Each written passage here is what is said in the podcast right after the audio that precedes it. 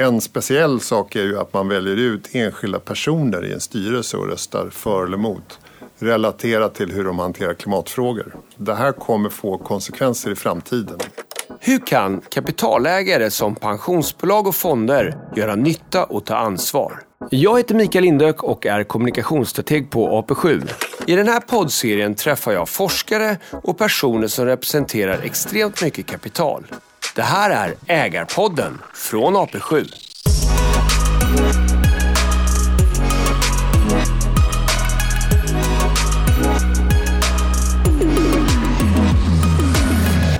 Dagens gäst är inte så långväga för mig utan är AP7s chef för ägarstyrning och kommunikation. Välkommen till Ägarpodden Johan Florén. Tackar. Du, vi börjar med eh, AP7 här. Eh, hisspitchen AP7. Du och jag står i en hiss och eh, så förklarar du eh, vad, för vem, hur och varför. Mm. Hur många miljarder och så Mm. vidare. Då är ju vi fonden för de som inte kan eller vill välja någon av de privata, alltså förvalet. Eh, Vi har ungefär 5 miljoner svenskar som sparare och eh, förvaltar ungefär 800 miljarder kronor. Okej. Och eh, den här podden handlar ju då om eh, ägandet, hur man kan göra nytta och ta ansvar med det här, det här kapitalet. Kortfattat, än en gång, vi står kvar alltså i hissen. Kortfattat, eh, vad är, vad är vår syn på eh, ägande och, och att ta ansvar? Vi har ju då som statlig pensionsfond med en global diversifierad portfölj eh, förmånen att kunna se på de här sakerna ur ett universellt ägarperspektiv. Det kallas för det, universell ägare. Och det betyder egentligen att vår portfölj ser ut som verkligheten. Vi har alla branscher och alla regioner och sådär. Och därmed så kan vi jobba med viktiga systemfrågor. Alltså vi behöver inte bara hålla oss till just de få bolagen vi har i portföljen. Vi kan jobba med hela eh, systemets stora utmaningar. Och det gör vi då i samverkan med andra eh, som liknar oss, pensionsfonder i andra länder och så. Och för att försöka uppnå realekonomiska effekter. Alltså, vårt huvudsyfte är inte att eh, få någon slags finansiell eh, eh, resultat utan att ändra på världen, ändra på företagen så att säga, och göra dem mer hållbara. För att ta något konkret, vi vill att utsläppen ska sjunka på riktigt, inte bara att vår portfölj ska ha mindre av utsläpparna i sig. Ja, okej, okej. Och du universell ägare, då äger vi ungefär eh, strax över 3000 bolag. Och då är ju en fråga, hur klarar vi av att veta allt som sker där ute? Alla, alla brott som bolagen gör eller allt man kan påverka på bolagen. Hur, hur, har, vi, hur har vi grepp över mm. hela omvärlden? Nej, men det är ju en grannlaga uppgift. Eh, vi får lägga stora eh, resurser eh, på att söka information. Men som tur var så finns det ju en, vi har ju analysfirmor som hjälper oss med det. Så vi skannar kontinuerligt hela marknaden, hela vår portfölj och fångar upp all information som finns där om bolagen vi äger och som är relaterat till det här på något sätt. Sen är det ju ofta så att man får in information om, som är anledning att fördjupa sig och då får man ju börja söka eh, verifiering att det där stämmer. Så det är ju en, en av de stora uppgifterna. Att någon påstår någonting, mm, för oss blir frågan, är det sant? Mm. Och en väldigt naturlig fråga då som man får då är, men hur klarar ni av att vara aktiva ägare i över 3000 bolag? Hur klarar ni av att verkligen vara ner och skruva på alla muttrarna? Och då så är det ju en, en eh, pyramid eller vad man ska säga. Så att i botten så ligger röstningen och där röstar vi på alla bolag. Det är ju precis som med allt annat någonting. Det är en stor arbetsinsats men det är också så att man måste ha leverantörer som hjälper en med det. För att eh, det är klart att har man eh, under röstningssäsongen ska man ju ta sig igenom alla de här 3000 bolagen och det kanske är 50 olika länder med olika regelsystem och varje bolag och sådär. Så det är ett mycket stort jobb och det är inte så många i världen som kan göra det. Eh, Och eh, då får man ju jobba egentligen med en slags systematisk årscykel där man då planerar hur man ska rösta på alla de här stämmorna. Och sen genomför man det och sen så ut, utvärderar man det eh, på slutet av året. Men, ja, förlåt. Ja, och det där är ju basen då och på samma sätt kan man screena hela sitt univers, den information som finns där. Men sen är det, det är inte så att man inleder dialoger och processer med alla 3000 bolagen utan det är ju en slags trattande där man får fram de mest centrala frågorna och de största problemen. Mm, just det. Eh, vad, vad, är ditt svar på, kan man ha effekt om man har spridit det på så många bolag? Ja, absolut. Eh, men eh, det som är förutsättningen är att man samarbetar med andra. Alltså om vi ensamma skulle driva en fråga som ingen annan i hela världen bryr sig om, då skulle det nog vara kört. Mm. Men om det är så att vi hittar andra investerare, eller rättare sagt, det måste vi göra. Det är så vi, det, det hela strategin bygger på det. Och så hittar man principfrågor där man är ensam om att det här är en viktig förändring att åstadkomma på den globala aktiemarknaden. Då driver man ju egentligen principfrågor.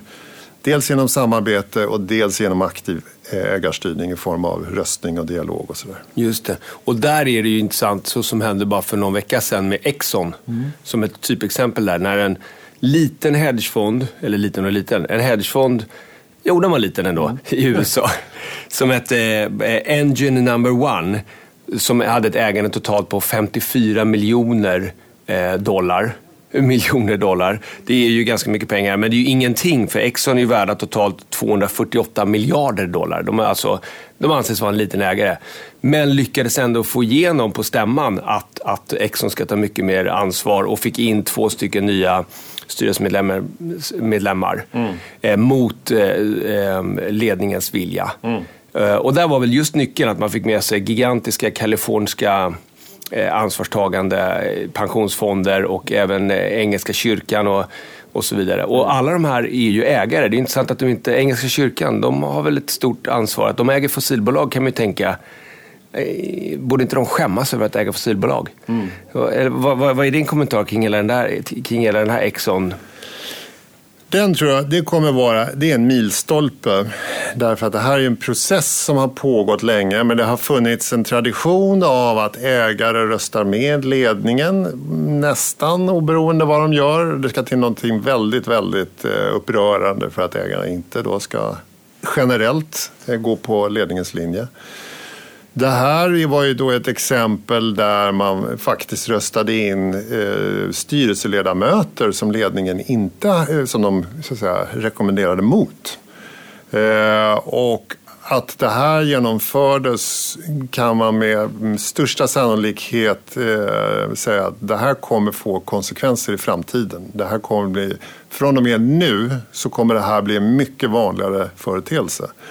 Och en speciell sak är ju att man väljer ut enskilda personer i en styrelse och röstar för eller emot relaterat till hur de hanterar klimatfrågor. Och, och samtidigt som Exxon stämmer var det även i Chevron stämmer. Ja. Och, och, vi äger ingenting Exxon, men, men i Chevron var det exakt samma sak egentligen också. Det var tre, fyra styrelsemedlemmar som, som eh, ägare så som vi och andra gick emot. Ja, ja, dels var det det. Vi har ju svartlistat Exxon så att vi, vi hade ju med all sannolikhet röstat eh, så att säga, för NG number ones förslag. Mm. Både Calpers och Calpers, Calsters som är stora eh, amerikanska pensionsfonder gjorde det och eh, vi har ju en samsyn i sådana här frågor. Eh, men eh, Chevron däremot, där hade vi möjlighet att rösta och bland annat så var ju, fick vi majoritetsstöd nu bland ägarna för eh, att de ska anta Scope 3 eh, mål för sina utsläpp. Och vad är det då? Och det betyder ju egentligen att de ska även räkna med produkterna, användningen av produkterna. Det vill säga när oljan eldas upp. Så när, när, när, när Chevron pumpar upp oljan, då är det Scope 1. Och när de bearbetar oljan blir det Scope 2. Och när jag kör min bil med Chevrons olja, då blir det Scope 3. Ja, framförallt det sista där. Att när, man, när ett företag tar fram en produkt så tittar man även på vad produkten leder till när den används. Alltså, det räknas med i kalkylen. Mm. Och det är, ju, det är inget konstigt, det gör man ju i många branscher. Men just i oljebranschen så har man kanske av naturliga skäl inte velat göra det. Då.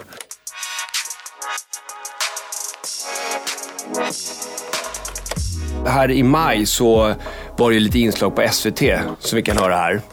Sjunde AP-fonden vill också bidra till en hållbar värld och har bojkottat vissa oljebolag. Men de menar att om man säljer alla oljeaktier, då har man inte bidragit något till klimatet, för någon annan har ju köpt aktierna. Om de här bad guys hamnar hos ägare som är bad guys, ja, då är vi riktigt illa ute tror jag i världen. Ägare såsom AP7 och andra eh, fondbolag, kapitalägare, eh, blir ofta ifrågasatta när man äger fossilbolagen den svåra frågan här är ju för aktiv ägare att visa ja, vad, vad, vad är det för effekt ni verkligen uppnår med er påverkan, med er ägarstyrning? Varför är det så svårt att visa den effekten? Jag tror det finns två dimensioner på det där. För det första så är det ju det är ju inte svårare att visa att aktivt ägande ger resultat än att inte äga. Att inte äga det leder ju absolut inte till någonting. Så att, eh, skulle man börja med att ställa den frågan, någon slags resultatutvärdering, så är frågan att ni inte äger, vad tror ni att det ska leda till? Men det här, det här är ju liksom en slags eh, mental eh, föreställning som alltså man, man ifrågasätter resultaten av den ena sidan men inte den andra.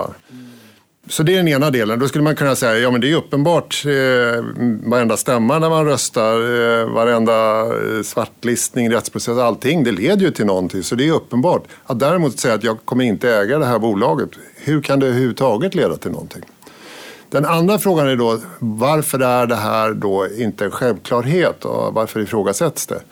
Och jag tror att en del av det, om man nu ska vara liksom självkritisk från branschens sida, det är att det har varit en liksom lite halvslapp ursäkt historiskt eh, för att kanske inte göra så mycket överhuvudtaget. För man säger lite sådär, nej men vi är aktiva och påverkar. Och vad gör ni? Ja, men det är svårt att säga. Och sådär. Så det blir någon slags blackbox av det där. Det går ju inte. Eh, naturligtvis tycker jag att om man ska vara en aktiv ägare så ska man vara väldigt transparent med vad man gör och vad det leder till och sådär. Det är naturligtvis inte jättelätt i bemärkelsen att mm, det finns ju liksom en filosofi att man gärna vill ha, man ska sätta upp mål och de ska kvantifieras och man ska mäta och sådär. När man jobbar med långsiktiga processer, eh, stora förändringar, många som är inblandade så är det eh, liksom en utmaning att hitta någon någon att allting ska landa i siffran 37 och så nästa år har det blivit 41. Liksom. Mm, så, du, ja, så du menar, det som är enkelt att mäta, det är gärna det man, springer, det är gärna det man gör? Så är det ju. Ja, man letar så att säga efter nycklarna under eh, gatlampan. Mm. Inte därför att man tror att de ligger där, utan det är det enda stället man ser någonting. där kan man leta. Ja, exakt. Ja. Men om man bara tittar på senaste åren, vad, är typiska frågor vi har drivit där det har hänt någonting? Tittar man på årets röstningssäsong som pågår just nu men som har haft en peak här under våren så har ju ett 20-tal bolag gjort åtaganden när det gäller sin klimatlobbying, vilket är en fråga vi har drivit under många år nu. Det vill säga att de de, har, de är medlemmar i organisationer som de betalar pengar till som faktiskt försöker stoppa klimatlagstiftning. Trots att företaget inte själva eh, driver den linjen. Det blir någon slags, vad ska man kalla det, indirekt lobbying egentligen. Den, det säger vi, det är helt oacceptabelt. Om man stödjer Parisavtalet så är det där ett verkligt stort problem eftersom det sker globalt. Man stoppar lagstiftning i Australien, i USA, i Europa via sina näringslivsorganisationer. Det måste sluta. Och första steget med det är förstås transparens. En annan sak från årets stämmosäsong är ett tiotal bolag som har antagit omställningsplaner egentligen, alltså för ett netto noll-mål 2050. Hur ska vi kunna komma ner till netto noll-utsläpp 2050? Ja, okej, okay, vi ska göra en riktig plan och vi ska publicera den och tala om hur det här ska gå till. Alla de här sakerna är saker som man måste vara ägare för att kunna driva. Man kan fortfarande ägna sig åt opinionsbildning som många organisationer gör så om man inte är ägare. Men vill man vara med och faktiskt påverka bolagen genom att rösta, genom dialoger, genom andra verktyg man har, lägga resolutioner och så, då måste man vara ägare. Mm. Men, du, men och om man då har den här invändningen. Fossilbolag är fossilbolag. Deras, det de äger är olja. De kommer ju aldrig sluta pumpa olja. Mm. Känner du något hopp där? att Hur mycket den påverkar? Klimatlobbyingen låter ju väldigt bra. De slutar motarbeta Parisavtalet, visst. Men produkten eh, håller ju fortfarande på att förstöra klimatet kan man säga. Mm. Vad, vad känner du för hopp där? Alltså, eh, kan man se skillnad på oljebolag och oljebolag? Och Ja, det kan man. Man kan mm. se skillnad på fossilbolag och fossilbolag. Kol och olja är inte samma. Mm. Man kan också se på oljebolagen hur de förhåller sig till den här frågan. Och där har ju en aktiv ägare en naturlig roll. Mm, för att om man börjar med oljebolagen kan vi säga att de kommer ju vara kvar i många decennier framåt. Det finns ju ingen som tror att de kommer bara upphöra att existera. Så då är frågan, om de finns här, vad kan vi göra? Vad är det så att säga, bästa att göra åt dem? Och en tydlig fråga som man kan driva som aktiv ägare det är just att bolagen själva ställer om. Alltså samhället kommer ställa om, om om politikerna gör sitt jobb. Men bolagen kan också ställa om sin egen verksamhet. Och den utvecklingen har vi sett hos en del av oljebolagen. En del av den sektorn. Där de då börjar diversifiera och eh, det blir mer av energibolag där de har mer förnyelsebart. De jobbar med teknik för att hantera utsläppen som de orsakar och så vidare. Så den omställningen det är en typisk sån sak. Klimatlobbying är en annan sak där man hindrar dem från att göra skada så att säga. Så att motfrågan blir ju egentligen, om vi bara låter de här bolagen fortsätta och ta bort alla hållbara ägare, hur blir det då? då? För det, det är inte så att de inte kommer ha några ägare och det är inte så att de inte kan finansiera sig. De drivs ju av att det finns en efterfrågan. Så länge de kan ta upp produkterna och sälja dem med vinst så kommer de finnas kvar. Föreställningen att lönsamma bolag inte skulle kunna finansiera... Alltså det är också så att de, väldigt många av dem internfinansierar ju sin verksamhet. De tjänar så mycket pengar så de behöver inte ta in någonting från... De behöver inte låna någonting. De behöver inte ge ut fler aktier. Så att den föreställningen skulle jag säga det är en önskedröm. Den, den bygger på en logik som kan fungera när det gäller Eh, att köpa. Om vi tar ett väldigt konkret exempel. Om jag vill påverka SAS då kan jag ju låta bli att köpa flygbiljetter. Och om många gör det, då kommer det verkligen drabba deras resultaträkning. Och det har vi sett nu under corona. När ingen flyger, då är det kris i företaget. Om jag däremot bestämmer så att jag fortsätter att flyga, jag åker på Thailandssemester som vanligt. Men däremot så ska jag byta till en fond som inte äger SAS. Då har jag uppnått noll. Ingenting har hänt. Ska man vidga perspektivet ett steg till så eh, tittar man på fossila fossil energi så kanske två tredjedelar kommer från statligt ägda bolag och kanske 90 procent av reserverna finns i statligt ägda bolag. Så de bolag som finns på aktiemarknaden det är en mycket liten del. Och det har ju till och med kommit en ny rapport här från eh, internationella energiorganet IEA som eh, gör då förutsägelsen att i framtiden så kommer kanske mer än hälften av världens olja att komma från Mellanöstern, eh, från de länderna där. Av det enkla skälet att de har så pass låga produktionskostnader och de har inget sånt här opinionstryck på sig. Så att medan andra blir utträngda från marknaden så kan de ta för sig.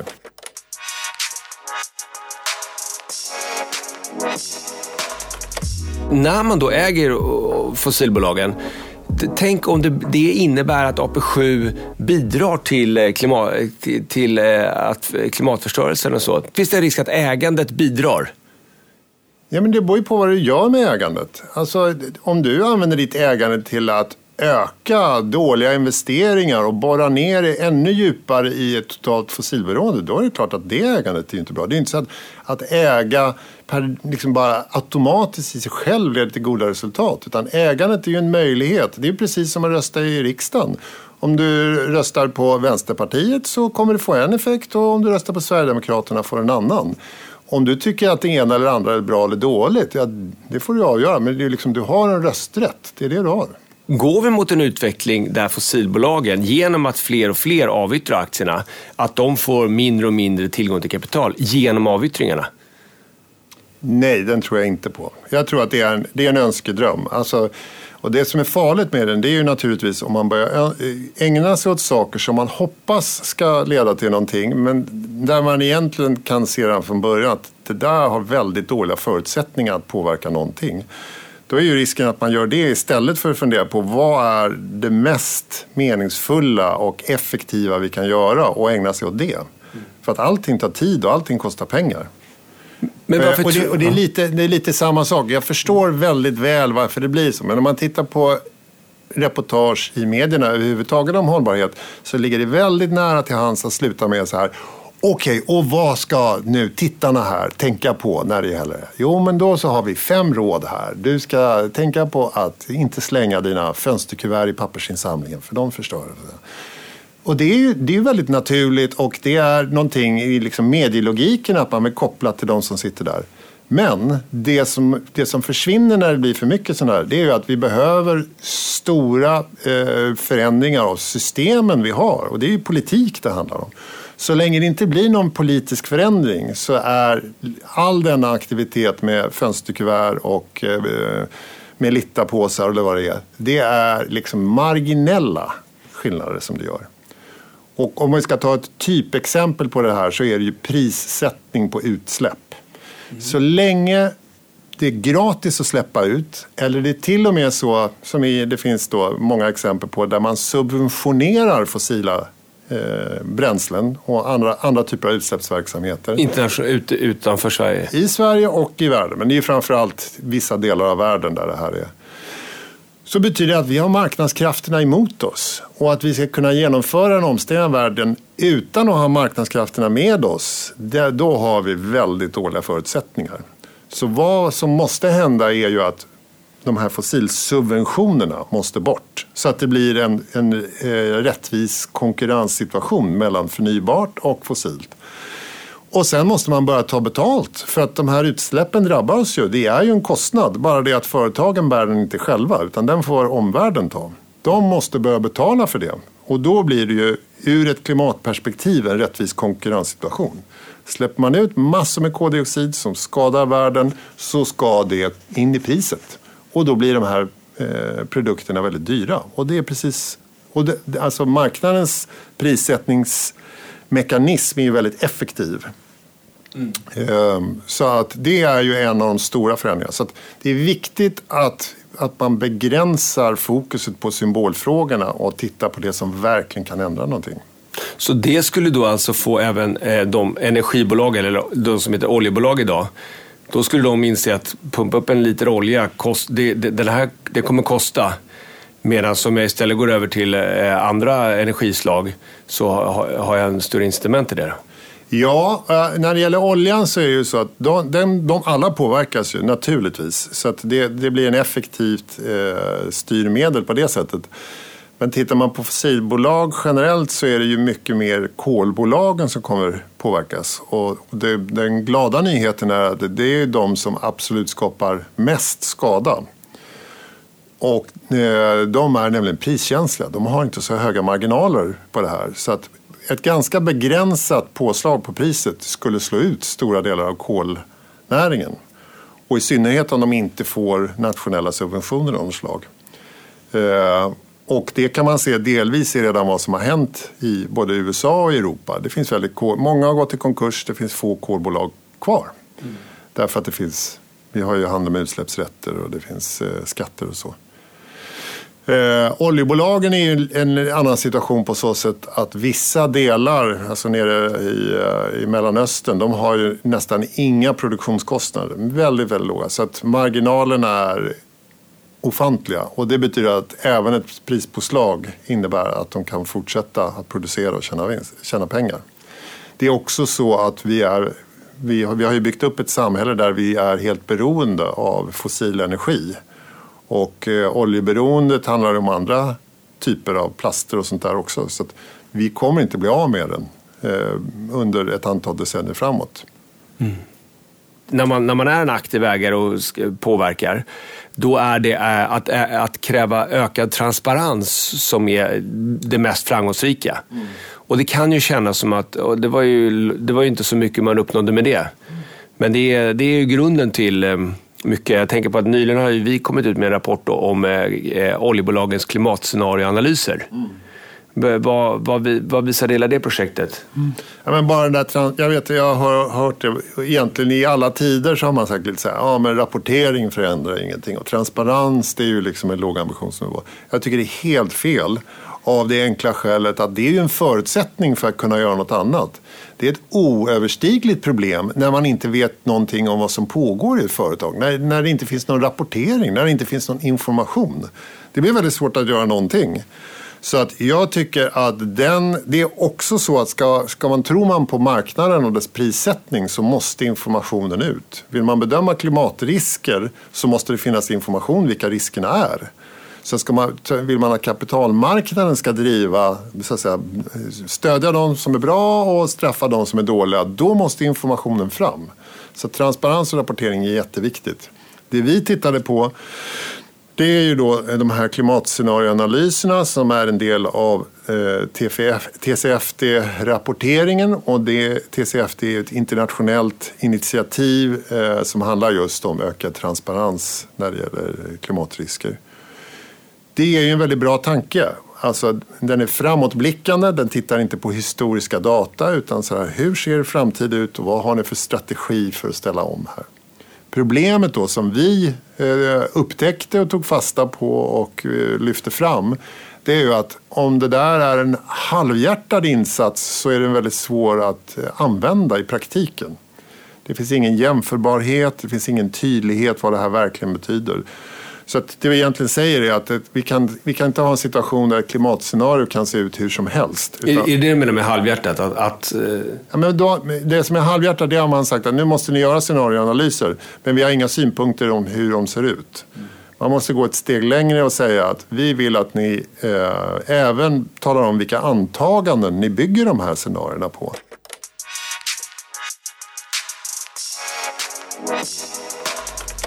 På AP7 har vi dels eh, att vi är aktiv ägare. Och sen har vi även den, den svarta listan. Eh, som eh, Åsa Wallenberg på SPP sa att det var en av de första i Sverige här så, vad det gäller att det är ju bolag då som sålts och som inte ägs längre. Och när, man, när jag tittar på den så är ungefär cirka 80 bolag har vi. Eh, exempel på bolag är ju Boeing, Rolls-Royce för de är delaktiga kring kärnvapen. Bolag som Walmart och Renault för att de kränker arbetstagares rättigheter. Och eh, bolag som strider mot Parisavtalet såsom Gazprom och Exxon då, som vi pratade tidigare. Eh, Gazprom för att de utvinner arktisk olja och Exxon för att de motverkar klimatlagstiftning. Och sen har vi Shell för att de både kränker miljönormer och mänskliga rättigheter i Nigeria. Det är totalt 80 bolag. Alltså. Min fråga är då, hur, hur, hur hänger det här ihop med att vi säger att vi ska vara aktiv ägare och sen säljer vi ändå av 80 bolag? Eh, är, det, är, det någon, är det någon diskrepans däremellan eller hur, hur hänger det ihop? Nej, men den enkla förklaringen är ju att svartlistningen så som vi bedriver den, och det här är ju liksom den centrala frågan, är ett påtryckningsverktyg.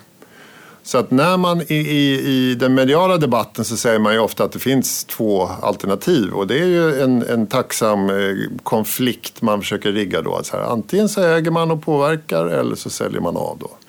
Men i praktiken så borde man ju börja ett steg innan dess och fråga så här, ja, men vad är det man vill åstadkomma överhuvudtaget? Om man då vill påverka så kan svartlistning mycket väl vara ett påverkansverktyg. Men det bygger ju naturligtvis på att man identifierar enskilda bolag som har ett specifikt beteende som man anser är oacceptabelt. I det här fallet då, vi har en normgrund så att det strider mot internationella konventioner som Sverige undertecknat. Så det är inte vi själva som hittar på reglerna? Nej, det är, det är bara en mm. värdegrund då. När vi, på så att säga, vi kan säkerställa att de agerar i strid med de här normerna så säljer vi av bolaget och offentliggör namnen på bolaget. För det, det är ju meningen att det ska sätta tryck på dem. Och vi talar också om varför de har blivit svartlistade. Och I och med att vi köper hela marknaden så är det alltid så att vi säljer när vi svartlistar. Det är inte så att vi bara utesluter en sektor som vi inte investerar i ändå. Utan vi äger alla bolag tills vi svartlistar dem. Så det innebär alltid en aktivitet på det sättet. Sen säger vi också att om ni ändrar ert beteende på den här frågan och då ganska konkret vad, vad det är de behöver leva upp till. Då är vi beredda att investera igen. Och på det sättet så får man då ett incitament till förändring. Mm. Så det, och det här, problemet då i debatten det är ju att man på något sätt säger att sälja är att sälja är att sälja. Mm, det är alltid olika. samma sak. Men det, är, det kan vara, man kan sälja av helt olika skäl. Vi säljer för att påverka. Ett annat skäl att sälja kan ju vara att man tror att det är en dålig investering. Den finansiella utvecklingen? på... Finansiellt. Det här passar inte vår strategi. Det är ett dåligt bolag. Det är vad som helst. Då kanske man inte får några hållbarhetseffekter men det är inte heller syftet. Utan syftet är att man ska få en finansiell effekt i sin portfölj. Och, och 3000 bolag ungefär äger vi och vi har 80 bolag som är svartlistade. Mm. Eh, varför inte bara utöka svartlistningen till 500 bolag eller eh, någon siffra? Mm. Utan det finns en tanke bakom.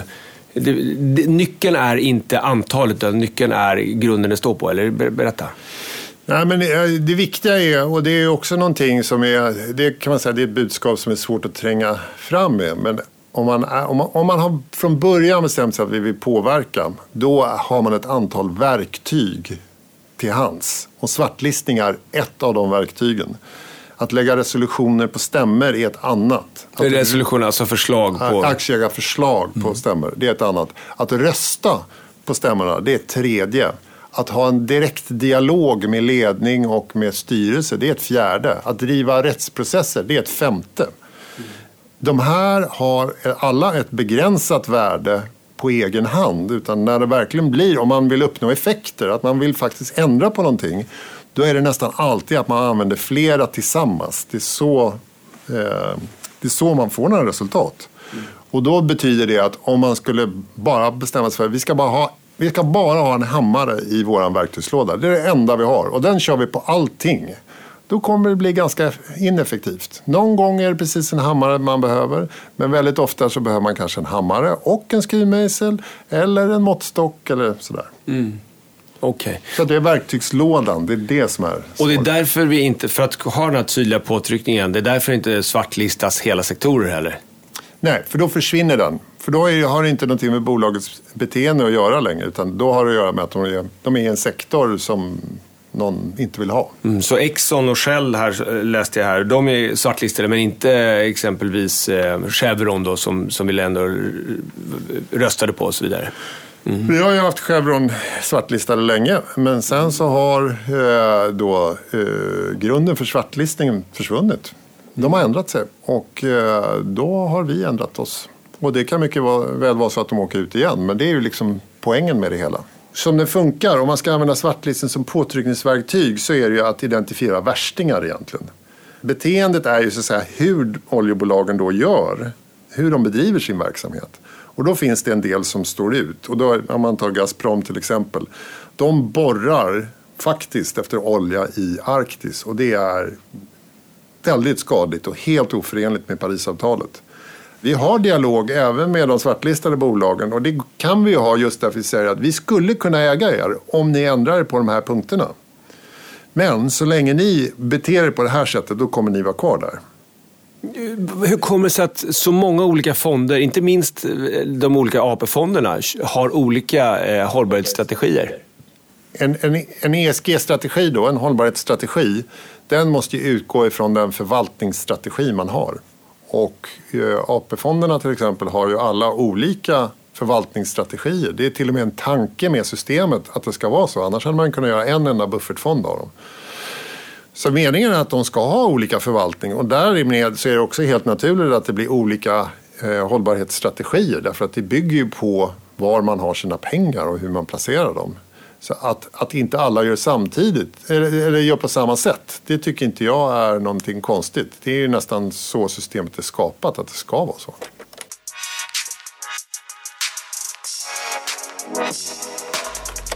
Vad är din trendspaning för finansmarknaden? Kommer vi få se eh, allt fler som kör strategin eh, aktivt ägande, påverkan eller eh, avyttring? Vad ser du där? Jag tror att det alltid kommer finnas kvar en, en del av, om man nu ska kalla det klassiska etikfonder. Alltså de lever på att de inte investerar i vissa saker för att det finns målgrupper som vill ha det. Så de gör produkter för en målgrupp. Här har vi kristna sparare, de tycker inte om spel, eh, spel och alkohol till exempel. Ja, men då gör vi en fond som inte investerar i det. Och på samma sätt kan man tänka sig att man gör en fond för miljövänner som inte investerar i fossilbolag eller djurvänner som inte investerar i läkemedelsbolag eller något sånt där. För det har en plats på marknaden. Eh, så att de tror vi alltid kommer att finnas kvar. Därmed, däremot så tror jag att ju längre utvecklingen går och ju viktigare det blir att det faktiskt händer någonting och att det blir någon förändring. Desto större kommer fokus bli på ägaransvaret. Är man investerare så har man ett ansvar. Alla har inte samma förutsättningar. En del kanske har, med, de är små förvaltare och har en väldigt liten portfölj och då får de jobba, en väldigt koncentrerad portfölj. Då får de jobba med de bolag de har, men de kan fortfarande ta ett ansvar. Stora eh, globala investerare, de, där kommer förväntningarna öka och aktiviteterna kommer öka.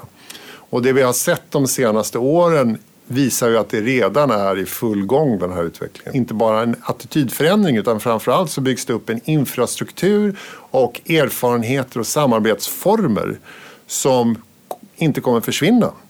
De kan få en helt ny eh, inriktning och ta upp nya frågor och sådär för att nu har de här samarbetsformerna etablerats. Det är också en stor förändring som inte kommer försvinna utan som kommer gå framåt. En tredje grej är ju typexemplet som vi tog upp här i förra veckan med eh, Exxon när då plötsligt stora så att säga, mainstream-investerare med väldigt mycket kapital går in och går emot ledningen och byter ut personer i styrelsen. Det är också en ny händelse som kommer få svallvågor långt, många, många år framåt i tiden.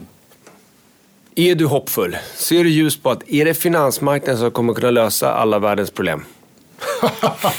Nej, om det var frågan, då är jag inte hoppfull. Därför så, det, så kommer det inte bli. Nej. Men ser, ser, du just på att, eh, ser du just på att finansmarknaden kommer kunna ha effekter på eh, klimatomställningen? Ja, men absolut. Det är ingen tvekan. Finansmarknaden har en roll att spela. Eh, och den, på det sättet är jag hoppfull, för den tycker jag klarnar hela tiden och det kommer den fortsätta bli. Och det betyder att vissa saker kommer få mindre fokus och andra kommer få mer fokus som det ska vara i framtiden. Däremot är det ju så att utan policyförändringar, alltså utan politiska förändringar, lagstiftning, skatter och sådana saker, så finns det inte en chans att finansbranschen skulle kunna lösa klimatproblemet på egen hand.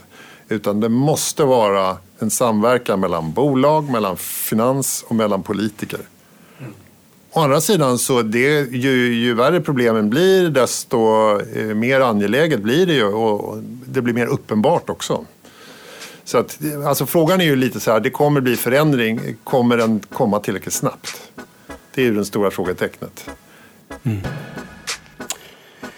Johan Förén, chef för ägarstyrning och kommunikation, AP7. Mycket intressanta perspektiv. Stort tack för att du var med. Ja, roligt att vara med. Tack.